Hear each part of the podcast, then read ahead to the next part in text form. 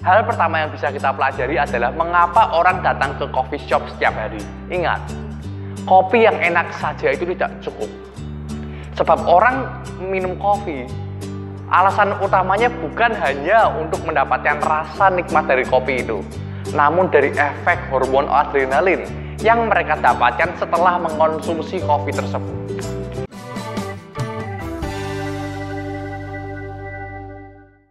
Halo guys, kembali lagi dengan saya Erik Kanadi. Bagi Anda yang ingin memulai berbisnis coffee shop atau sudah mempunyai bisnis coffee shop, pastikan Anda menyaksikan video ini sampai selesai. Hari ini Erik mendapat pertanyaan yang menarik sekali dari Pak Agus. Hai Erik, nama saya Agus. Saya punya kafe makan dan kedai coffee live music. Pertanyaannya, bagaimana cara mengembangkan usaha coffee shop saya? Yang pertama, selamat untuk Pak Agus, karena Pak Agus sudah berani mengambil langkah untuk memulai bisnis coffee shop. Ini menunjukkan bahwa Pak Agus adalah seorang memiliki jiwa entrepreneur dan juga orang yang berani mengambil resiko. Walaupun di tengah perjalanan pasti ada yang namanya permasalahan dan tantangan. Namun, permasalahan dan tantangan ini jangan kita menyerah saja, tapi kita hadapi bersama-sama. Cara paling efektif untuk mengembangkan bisnis coffee shop adalah belajar dari masternya, belajar dari yang nomor satu. Siapa sih coffee shop nomor satu di dunia ini? Salah satunya adalah Starbucks. Starbucks ini bukan hanya ada di Indonesia saja, tetapi ada hampir di setiap negara di seluruh bumi ini. Oleh sebab itu kita dapat belajar mengapa sih orang kok tiap hari datang ke Starbucks mengapa kok Starbucks ini bisa rame dan laris dan bukan hanya itu saja tetapi untungnya juga besar. Hal pertama yang bisa kita pelajari adalah mengapa orang datang ke coffee shop setiap hari. Ingat, kopi yang enak saja itu tidak cukup. Sebab orang minum kopi, alasan utamanya bukan hanya untuk mendapatkan rasa nikmat dari kopi itu, namun dari efek hormon adrenalin yang mereka dapatkan setelah mengkonsumsi kopi tersebut jika kita datang ke restoran, kita makan makanan yang enak, wah mungkin kita senang. Namun besoknya belum tentu kita kembali ke restoran tersebut. Apalagi kalau suruh tiap hari datang ke restoran tersebut, pasti kita akan bosan. Namun berbeda dengan kopi. Kopi ini memberikan efek hormon adrenalin.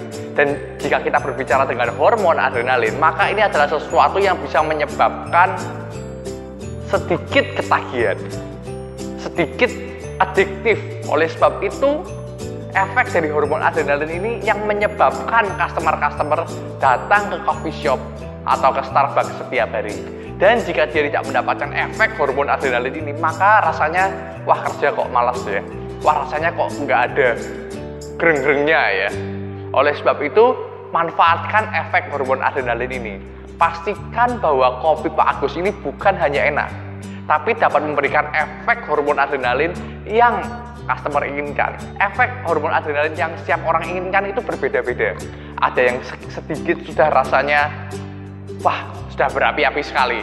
Tapi ada yang sudah double shot tapi rasanya biasa-biasa saja. Lalu bagaimana caranya untuk memastikan bahwa kopi yang kita sajikan ini sesuai dengan permintaan customer? Kita harus memberikan level. Ada yang levelnya strong, ada yang levelnya medium, atau ada yang level kafeinnya sangat rendah. Salah satu strategi yang bisa Pak Agus lakukan adalah dengan memberikan beberapa pilihan. Beberapa pilihan yang strong, atau yang medium, atau yang tingkat kafeinnya sangat rendah. Dan tawarkan juga, apakah ingin menambahkan dengan extra shot, double shot espresso? Jika kita perhatikan, kalau orang datang ke Starbucks, ada yang minta pesan kopinya decaf, atau kafeinnya sudah dikurangkan. Orang ini hanya ingin menginginkan sedikit efek dari hormon adrenalin saja. Namun ada juga loh orang yang sudah pesen kopi americano yang ukurannya paling besar masih minta ditambah double shot espresso. Karena orang ini membutuhkan efek hormon adrenalin yang lebih kuat, yang double. Oleh sebab itu, pastikan di coffee shop Pak Agus memberikan beberapa pilihan. Ada yang decaf, normal, atau mau ditambahkan lagi tingkat espressonya. Bukan hanya dari efek hormon adrenalin saja, namun perhatikan juga dari pelayanan atau customer service-nya.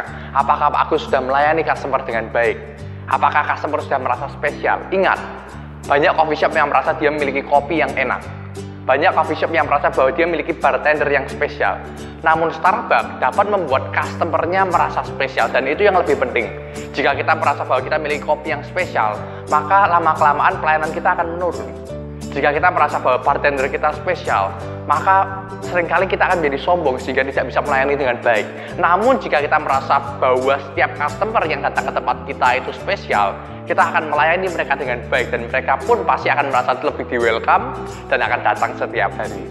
Oleh sebab itu kita perlu belajar bagaimana sih cara menjadi seorang customer service yang baik Bagaimana sih kita bisa menghargai customer-customer kita?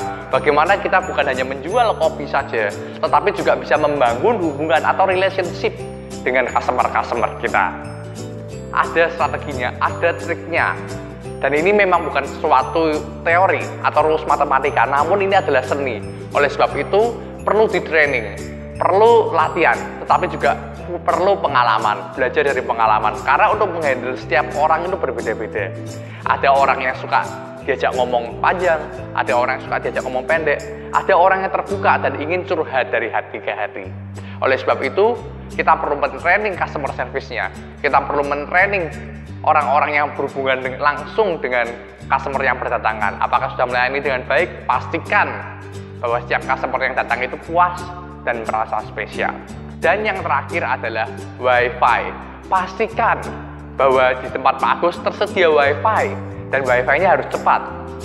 Karena banyak orang datang coffee shop ini bukan hanya ingin menikmati kopi saja, namun sambil kerja. Di zaman sekarang ini semua orang pasti buka handphone, buka laptop, dan bahkan coffee shop ini sudah bisa dibilang menjadi the second office atau kantor kedua. Banyak orang yang datang coffee shop untuk browsing internet, untuk kerja, untuk uh, melakukan aktivitas yang berhubungan dengan laptop, dan membutuhkan koneksi WiFi yang cepat.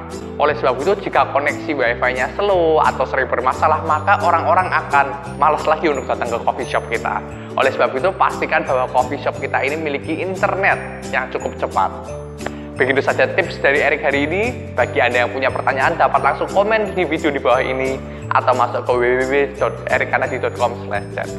Salam sukses.